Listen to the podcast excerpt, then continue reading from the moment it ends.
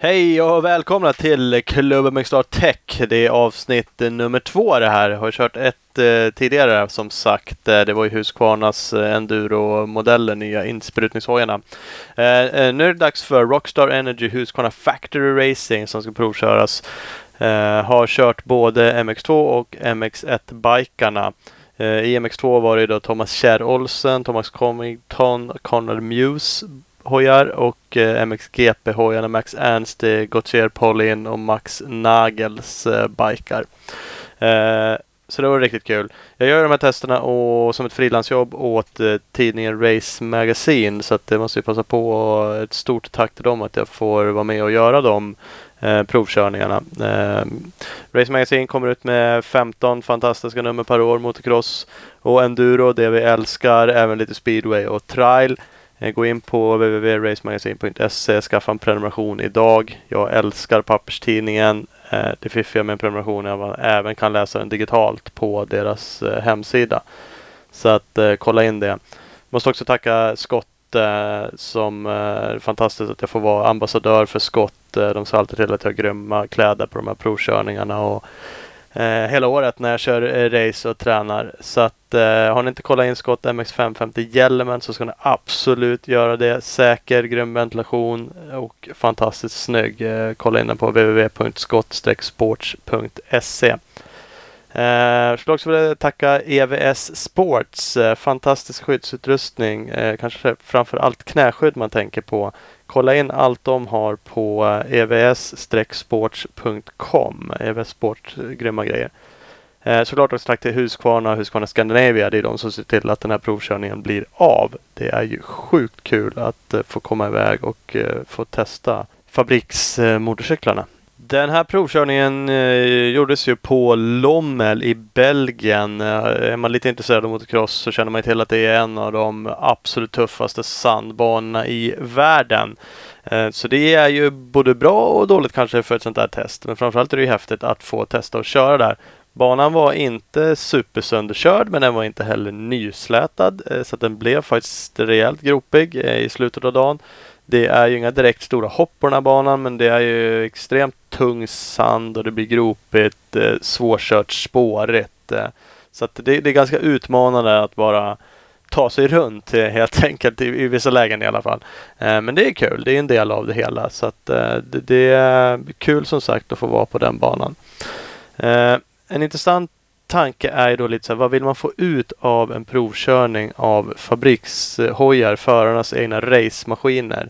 Det är ju inte en provkörning där man har möjlighet att göra egna inställningar, klicka fjädring, ställa in reglage och sådana saker. Utan själva grejen är ju att få känna på hojen exakt så som den är för varje förare. Eh, de skiljer sig ganska mycket åt förarna i sig bara eh, storleksmässigt, hur långa de är och vilken vikt de har. Så att fjädring blir ju en del, eh, inställningar av reglage, såklart känslan på biken. Det absolut roligaste är när man hittar någonting som sticker ut extremt mycket. Där man tycker att shit, hur kan människan köra så här jäkla fort med en sån här konstig inställning på, på hojen?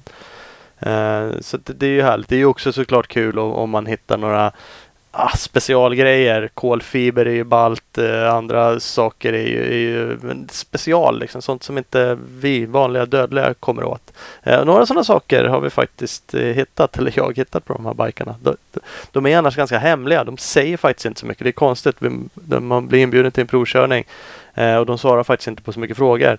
Om eh, motorerna säger de ingenting, vad som är gjort, det, hur många hästkrafter det är och sådana saker. Chassina, väldigt, väldigt lite exakt vad som är gjort. Utan det är det man ser med ögat såklart, eh, kan man ju fråga om. Men annars kommer det inga direkta små detaljer.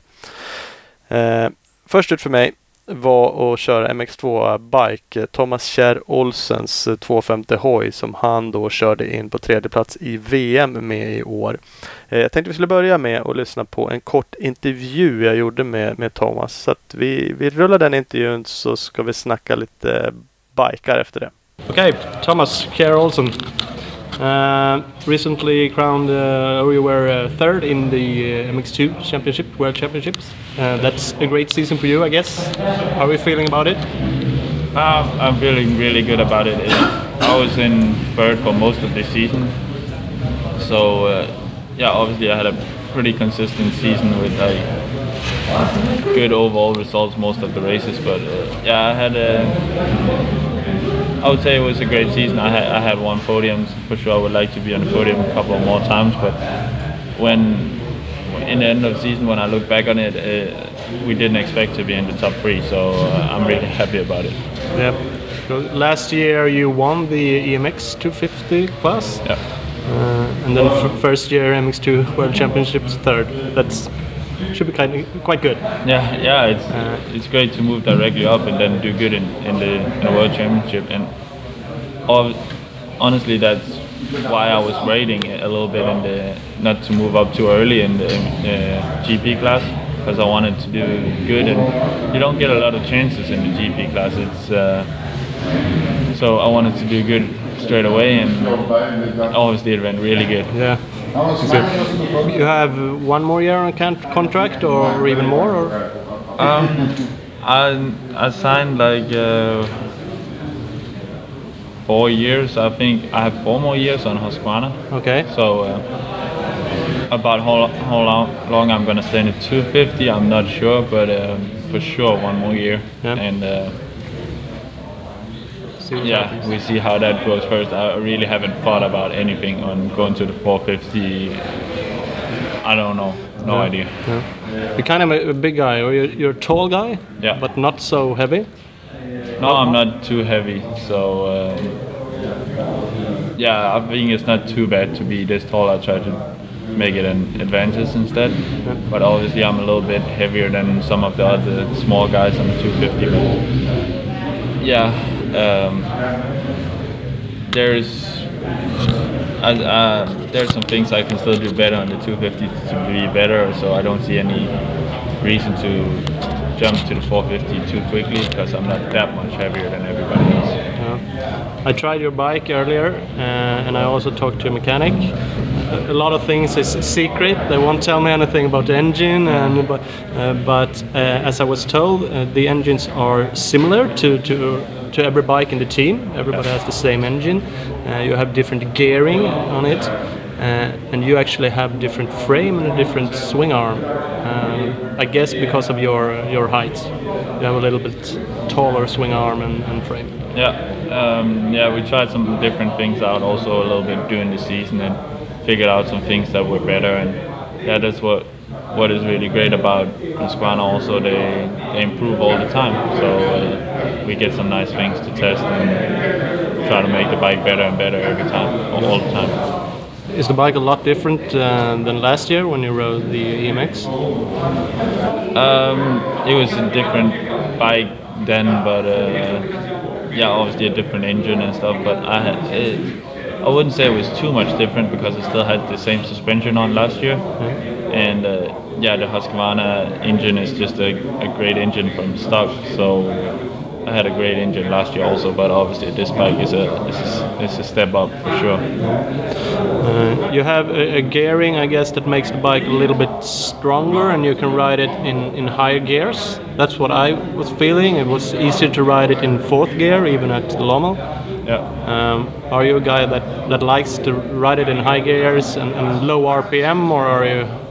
Yeah, I like I like to, uh, to ride in high gears, but lately it's uh, I, I'm riding a little bit in too low gears. Uh, but yeah, I like that little bit more smooth feeling. Actually, sometimes I like the bottom and mid, and uh, yeah, obviously this bike has a lot of top also. So uh, yeah, it's just great all-around bike. I feel, and with this gearing I have on, I, I can get pretty good starts and, and feel good on the track. Great. Okay. Thanks. No problem.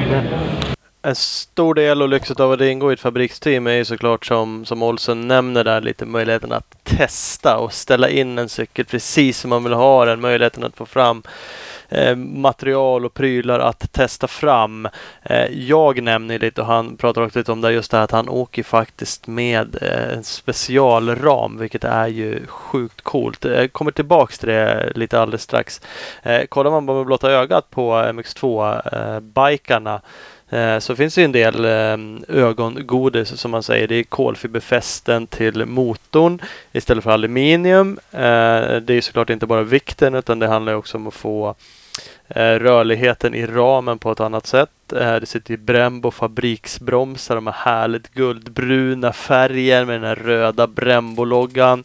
Kolfiberskydd över bromsoken, kolfiberskydd över bromsskivorna. Eh, FMF helsystem, avgassystemet. Sitter Raptor titanfotpinnar, de här läskigt vassa fotpinnarna. Sjukt vassa, nästan ja, skrämmande ut.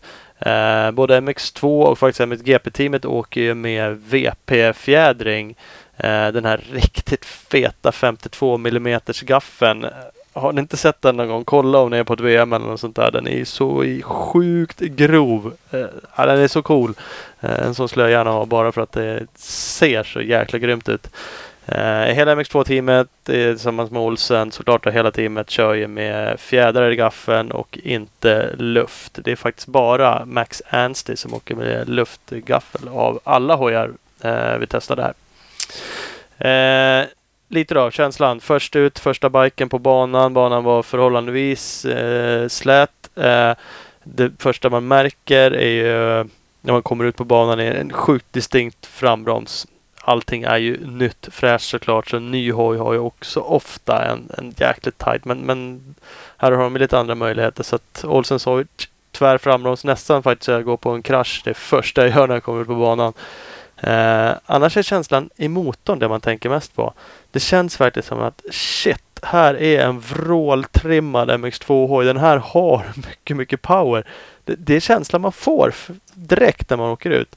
Sen ändrar det där lite och ju mer andra hojar jag åker så känns det ändå inte som att äh, så mycket vassare än en standardhoj är den inte. Däremot är den väldigt lätt att köra på just fyrhjulsväxel och Lommel är ju tung sand. Det är några ganska tajta kurvor här men den går att köra på fyrhjulsväxel nästan varvet runt på Olsens hoj. Det där gillar jag. Det är härligt. Det är lite 450 körstil i motorn. Det, det passar mig som inte eh, sådär super superkörstil längre där man åker och tokvarvar en MX2-hoj. Så att eh, det känns faktiskt bra. Jag, jag gillar verkligen eh, Thomas Kjær Olsens eh, cykel. Eh, den passar mig bra. Fjädringen känns också eh, superbra faktiskt. Nu är ju som sagt banan förhållandevis slät när jag är ute på den här biken. Eh, så att det viktmässigt ligger väl vi ungefär eh, lika 80 kilo där någonstans.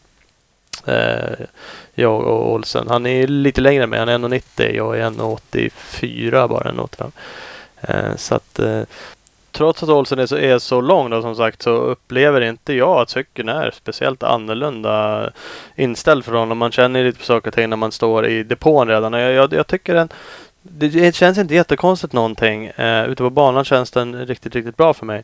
Eh, jag tar ett snack sen med, och vi ska lyssna på den intervjun med eh, Thomas Kjær Olsens mekaniker. Eh, och får faktiskt reda på att de har ju gjort lite saker med den här biken just för att den är så lång. Eh, men vi ska lyssna på vad hans mekaniker har att säga. So you, you are the mechanic for Thomas Kjær Olsen? Yes. What's your name? Jordan Filbish. Okay. Are you fr from Belgium? Or? From Belgium, yeah. Yeah. From the house. Uh, we're standing here by his bike. Uh, can you tell me something in general about the bike? How how different is it from a stock bike? Is it a lot of stuff? Just Yeah, there is not much stuff. The the frame is a bit different. Uh, but uh, yeah, the handlebar, foot pegs, uh, swing arm is also different. Uh, yeah, that's the parts which are not standard really.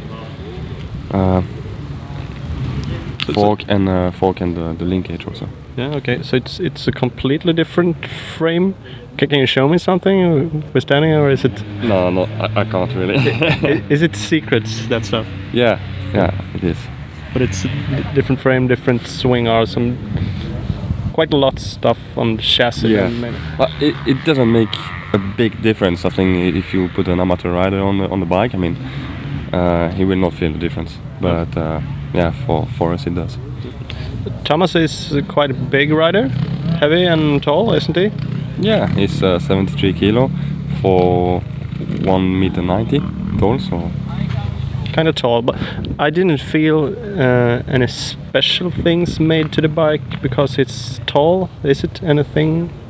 Well, the, the handlebar is higher. We have higher clamp also uh, for the that handlebar, and then the foot pegs are lower, five millimeter lower and five millimeter to the back.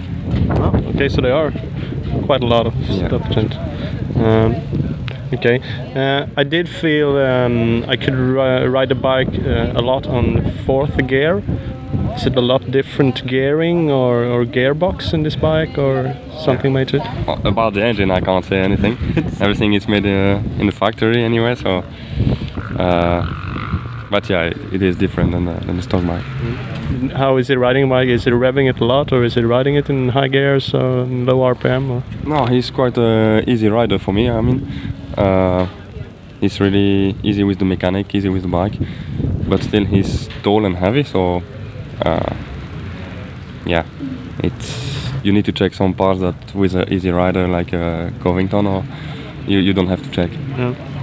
Uh, can you tell me something? What do you do between races? Do you tear the bike totally apart, engine, everything, and just build it up again, or what? You mean uh, from GP to GP, or Yeah, ah, from yeah, from GP to GP. Yeah, from GP to GP, that's what we do. We uh, put it apart completely. We check the, the frame, uh, check the swing arm to be sure that yeah that there is no uh, there's nothing wrong with it.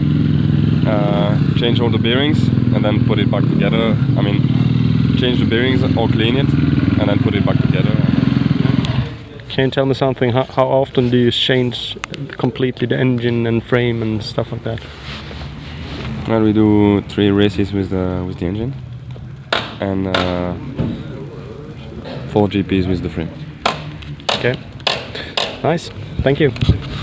Tre race på en motor, fyra race på en ram. Eh, det är ju lite annat än vad jag gör. Eh, just det här med att byta ram efter fyra race. Det är mm, för mig, även om jag åker runt och provkör. Jag vet inte, jag borde kanske vara den som ska känna sådana här saker. Men jag har då inte kört på en, en ram en säsong och börjat känt efter ett tag att gud, den här måste jag byta för den här går inte att åka på längre. Eh, fyra race, det är nog inte träningsbikarna heller. Det är inte många timmar en sån där ram går på innan den ska bytas. Eh, men, men så är det. Eh, en hel del ändringar hade de ju faktiskt gjort på hojen på grund av eh, Thomas eh, längd framför allt. Det, det kanske jag borde ha känt mer. Jag tycker att cykeln passade mig väldigt, väldigt bra, vilket är ju säkert på grund av att de här ändringarna är gjorda och jag är också ja, förhållandevis lång, inte riktigt lika lång. Eh, men de har ju ändrat, det är högre styre, eh, andra gaffelkronor, sänkta fotpinnar, 5 mm sänkta, 5 mm bakåt. Eh, så att lite grejer är ju gjort. Det är också så att han nämner ju det här med att Thomas åker med en annan ram och en annan sving. Så han berättar ju det för mig. Men han vill absolut inte berätta vad som är ändrat. Och det, jag stod och tittade och försökte se. Det var ju alltså, omöjligt att bara, bara se tyckte jag.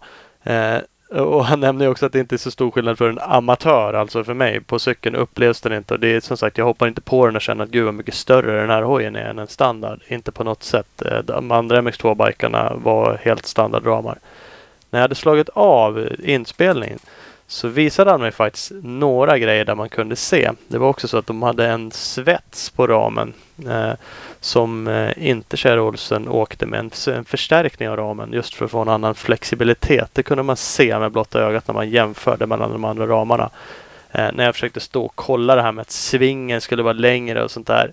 Alltså jag tog bilder och försökte analysera och det var, jag, jag såg inte ändå att, att svingen är längre på Kjell Olsens bike. Så att så små skillnader är det. Eh, men oavsett, sjukt ballt är det. Det är ju det här som är fabriks. Det är det här man vill höra. Det är det här man vill veta. Det är så här det ska vara. En helt unik ram. Någon i Österrike stått och svetsat fram en specialram för en förare i MX2-teamet. Det är ju factory om något. Det är ju, man blir ju lycklig av att bara höra att det är på det sättet. Så att, eh, det var kul. Men eh, faktiskt, det var riktigt kul. Eh, efter det här, jag betade av alla MX2-bikar till att börja med. Så att eh, efter eh, Olsens bike så var det ju dags för mig att köra eh, Thomas Covingtons hoj. Covington är ju till skillnad från Olsen eh, väldigt, väldigt liten istället. Han är 172 cm lång, 68 kilo tung eller lätt. Eh, jänkare, vad det nu kan innebära kanske med biken. Eh, jag står och kollar lite cyklarna innan jag åker ut på hans hoj. Eh, konstaterar att han, det sitter styrdämpare på Covingtons hoj. Kollar då på alla andra hojar också, både MX2 och MXGP-bikarna. Och ja, det sitter styrdämpare på samtliga bikar. Så det är också en option på cyklarna. Eh, så att det eh, är intressant att de har det. Eh, fick inte reda på om de åker med direkta olika inställningar på dem. Vad jag, vad jag förstod åker de ganska basic eh, inställning. Det, det jag kunde höra i alla fall. Eh, hoppar man på Covingtons hoj så känns det direkt helt fel. Till skillnad återigen på Olsens sorg som kändes helt rätt så känns det här helt fel. Lågt styre, bakåtlutat, nedtryckt styre. Eh, kopplingsgreppet sitter extremt nära styret. Han har ju antagligen väldigt, väldigt korta fingrar. i känslan. Bromsgreppet likadant, sitter långt in mot styret. Blir konstigt för mig.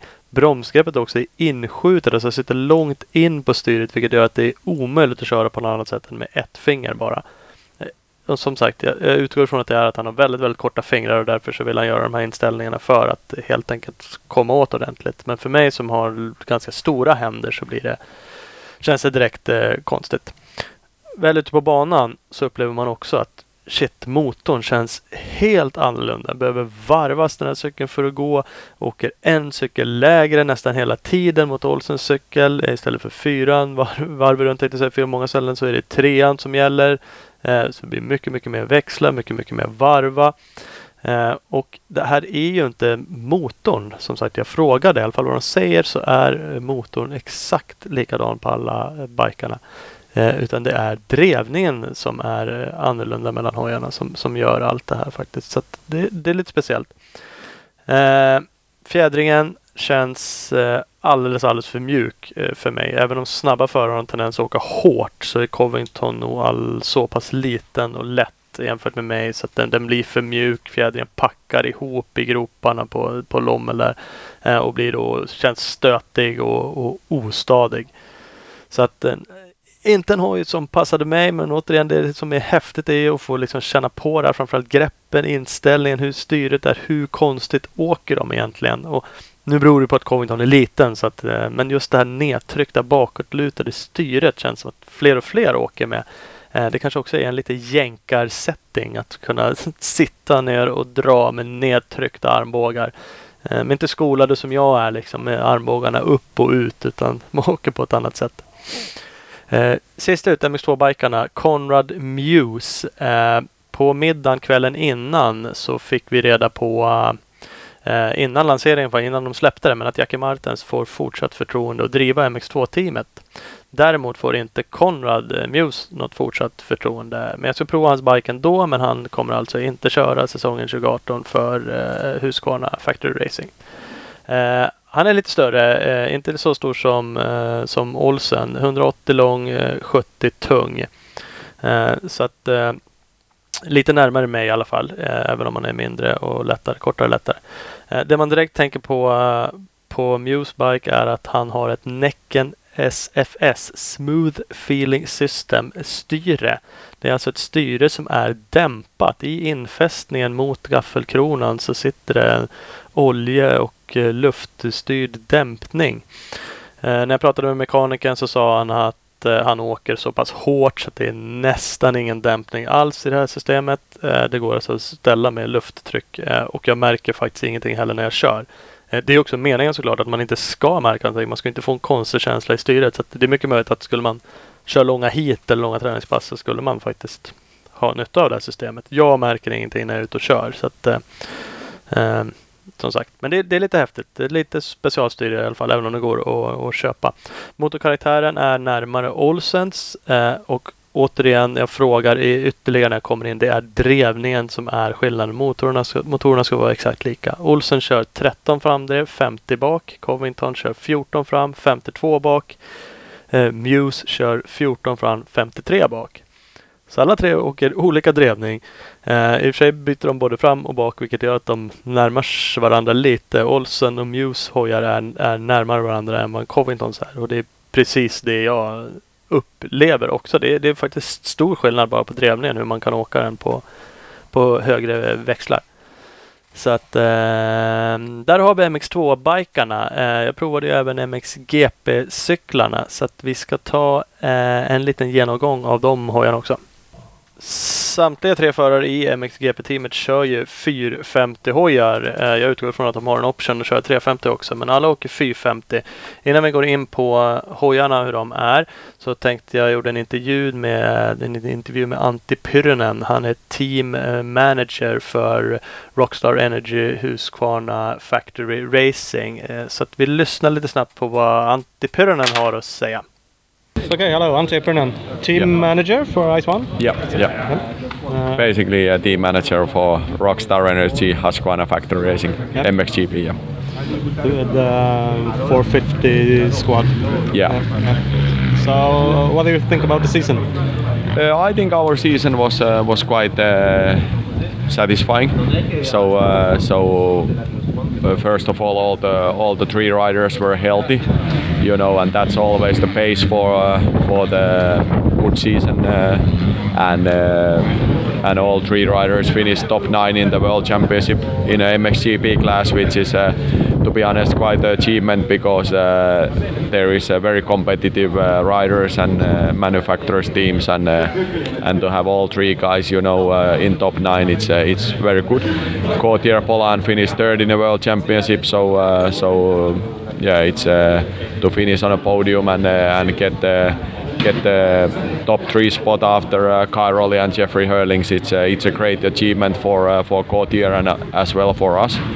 Max Nagel finished eighth, uh, uh, Max Anstey ninth. So uh, so it was fine, and overall approximately 10 podiums, uh, one GP win. So it was good. Max Anstey won won the Motocross of Nations uh, both motos, so it was uh, it was a very uh, nice end for the season for a, for a good season.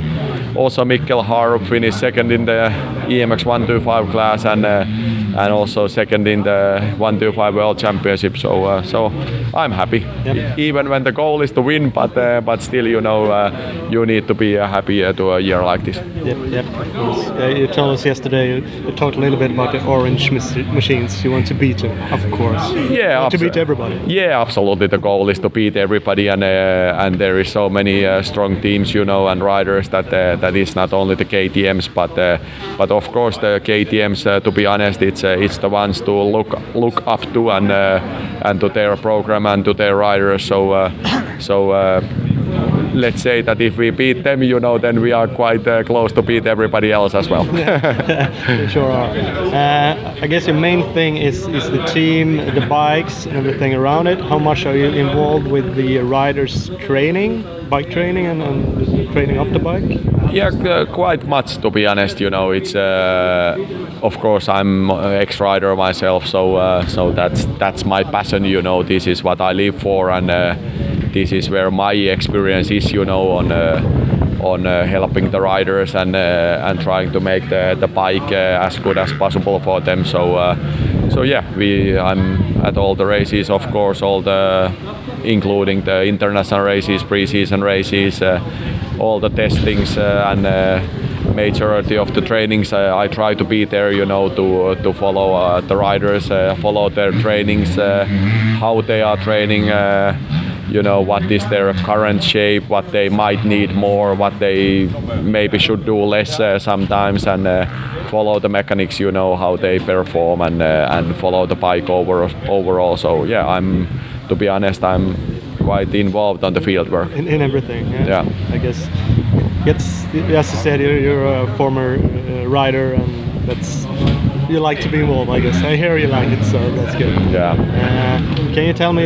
Everybody's a little bit secret about the, the bikes, uh, especially the engines and frames and stuff like that. Uh, do you have special frames on your 450 bikes, or is it stock frames? Or Uh, our frame is based on standard, so there is, to be honest, there is no secrets uh, on that one. And uh, and uh, of course, you know, like uh, bike setup. The, it's a factory bike, you know, so uh, rider has some engine uh, preference, you know, the engines, but another one likes uh, more power, uh, another one likes more smooth. So so each bike is slightly different, you know, and and and suspension, of course, and the basic things. So so there is some differences, but but yeah, nothing nothing really like.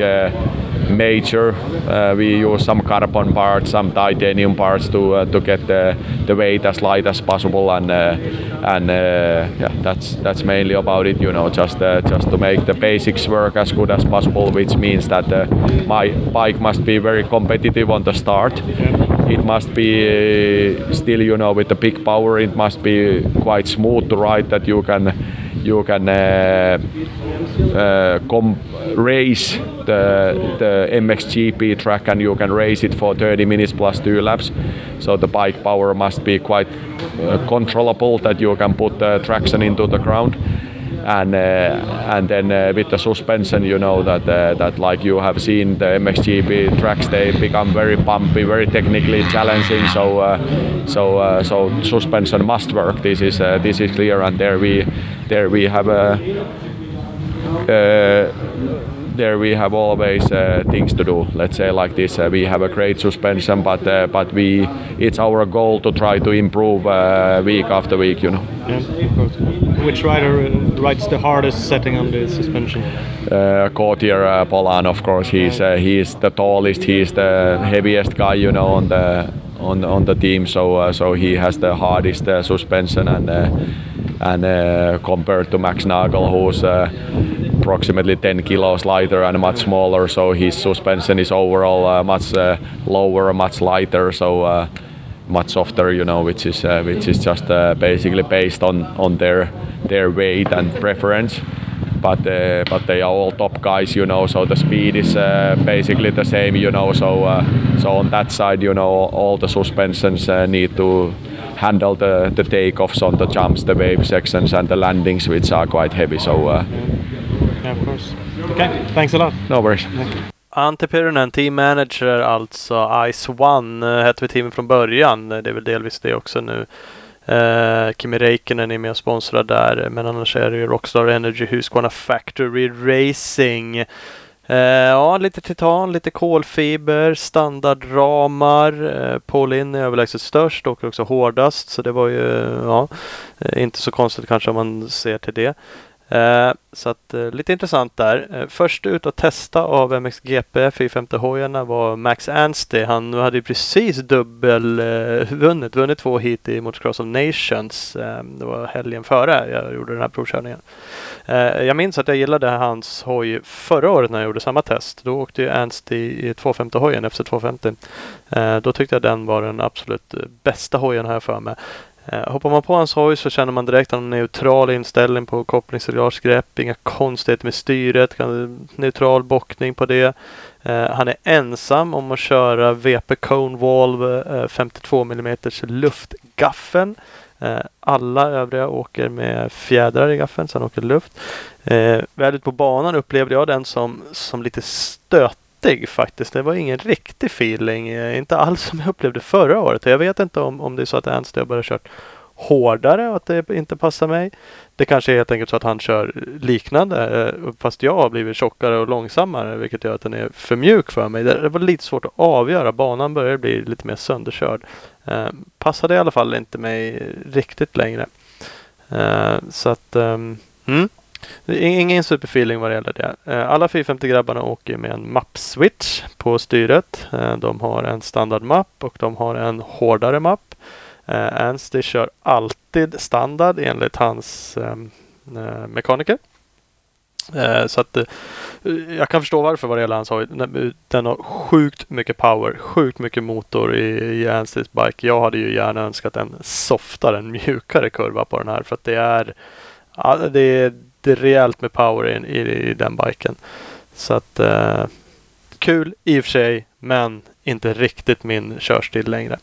Eh, nästa hoj som jag var på var Gautier Paulins bike. Han var ju trea i VM i år. Han är ju desto större, ganska så storleksmässigt som mig. Lite längre, 187 centimeter, eh, 80 tung. Eh, men ungefär samma längd och vikt. Eh, han kör med styrhöjare så att eh, styret eh, känns omedelbart högre. Han kör med högre sadelskum så när man hoppar på den biken så känns den lite större. Helt okej för mig som också är ungefär storleksmässigt som honom men man upplever den. Samma bockning på styret som Anstey men sjukt mycket mer nedtryckt bakåtlutat vilket gör att det blir en böjning längst ut. Lite shopperkänsla på styret många som åker så. Många standardhojar som kommer med styren som är så. De är ofta nedtryckta redan från början vid provkörningar och sånt där. Inte alls vad jag gillar. Så att, eh, inte någon skön känsla direkt när man sätter sig på den och inte när man kör den heller. Eh, väl ute på banan när man kör den är det måste nog vara exakt samma, om inte exakt så väldigt lik Anstys setting på motorn och hur de vill ha den. Eh, rejält med kraft. Eh, på gränsen till för mycket, på gränsen till svårkört för att den levererar så mycket power. Eh, som sagt, jag hade ju eh, gillade det här med hästsparkshojar förr i tiden men nu, nu gillar jag mjukare så att eh, en lite mjukare kurva hade jag gärna haft. Eh, fjädringsmässigt, banan börjar bli sönderkörd som sagt så det, det är svårare och svårare att avgöra på ett sätt men, men den kändes faktiskt bra. Eh, så att, eh, att han åker hårdare som Pyronen sa, det, det stämmer nog men han åker absolut inte på något sätt stenhårt utan det, det var körbart för mig åtminstone. Sist utav alla biker, sist utav MXGP 450 hojarna var Max Nagels hoj. Han är ju liten precis som Thomas Covington. 172 cm, 70 kilo. Eh, direkt känner man lågt styre, lågt sadelskum. Eh, ändå ensam om att åka med puckel på sadeln. Det är ändå ganska många som har på stora hojar. Eh, det är han ensam om eh, att ha. Eh, Nagel liten som sagt. Eh, fjädringen mjuk. Känns riktigt bra för mig faktiskt. Framgaffeln är perfekt för mig ute på banan nu. i Den farten jag har så som groparna. Den känns stabil, den fjädrar bra. I bak är det faktiskt på gränsen till för mjukt för mig. Den, den packar ihop i, i slagen när man försöker gå lite hårdare genom, genom stalpen och även in eh, i inbromsningarna lite. Så då blir den lite, lite orolig faktiskt. Eh, och det är intressant där, för, för Nagel är ju blixtrande snabb på att åka hoj. Man hör och man tänker att de åker liksom stenhårt alla snabbåkare. Men det gör de inte på något sätt. Det är inte de hojarna jag har provat i alla fall. Utan de åker som sagt Nagel liten men ändå. Han skulle kunna åka hårt för att han är så snabb. Men nej, han åker, eh, åker mjukt faktiskt. Kommer man till motorkaraktären så är det en stor skillnad mot de andra två eh, hojarna. Som sagt. Eh, och den är mycket mjukare, mycket snällare kurva passar mig mycket, mycket bättre. Det är absolut mer min körstil nu för tiden. Eh, åka mjukt, eh, höga växlar. Eh, så att eh, inte alls den här brutala liksom effekten som, som Ansty och Pauline hade på sina hojar.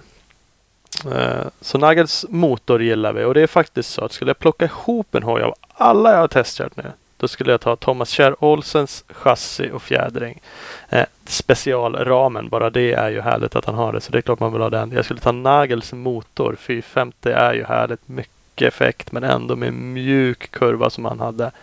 Eh, skulle slänga på Näcken SFS-styret också med fjädringarna. Mest bara för att det är lite coolt med, med saker och ting. Jag kände ju ingen skillnad där men det, det går ju att ställa in.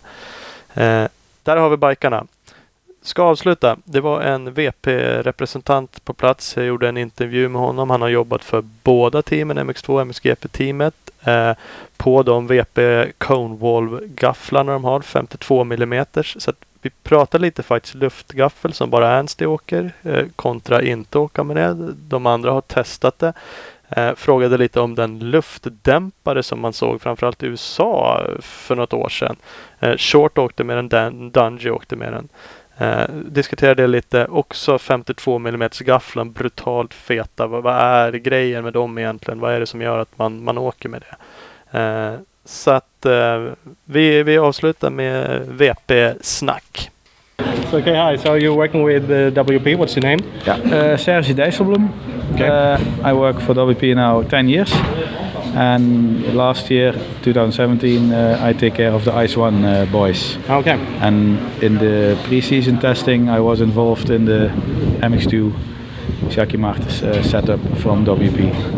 Okay. So is it only Anstey running the air forks? Yes, Anstey is running the air forks. Uh, Paulin and Nagel, they started with the air forks. Okay. Uh, halfway the season, they switched to spring fork. There is slightly difference, of course, in it. Spring fork is a bit more comfort in the beginning. Air fork is there a little bit more harsh, let's say. But um, yeah, I mean, when Paulin won the GP in Valkenswaard, he was riding the air fork. So, Nagel last year went to the air fork. He really happy with it. Uh, with Nagel was maybe because he was not feeling so comfortable and he was searching for something. And with Paulan, it was uh, more or less um, uh, with training, for example, the mechanic needs to set up the fork, but it's a four-chamber system, so it has four valves, Ah, okay. and it's quite sometimes complicated. And then when the air fork is two, three tenths of a bar off, then it's immediately, let's say, 30% uh, less working, Ah, you know. okay, okay. And the spring fork is more uh, average. It's more. Uh, it's easier. To, it's easier to maintain, and it's easier. So that's why he changed to a spring fork. Um, and Anstey, he still liked the fork the whole season. He didn't want to change. He he was happy. A couple of years ago, I saw Andrew Short, for example, did ride with a different. Was it an air uh, Shock. Shock. Yes, air shock. Yeah, that system we had already mm, from since 2006 Yeah. with the PDS bike. Uh, that was working good. Uh, it's lighter. It works good, uh, and that's why we made it again, just as a project for the new linkage, Yeah. KTM Husqvarna. And then uh, we they tested it in the US with Ryan Dungey. Andrew Short was testing it for a year. Yeah.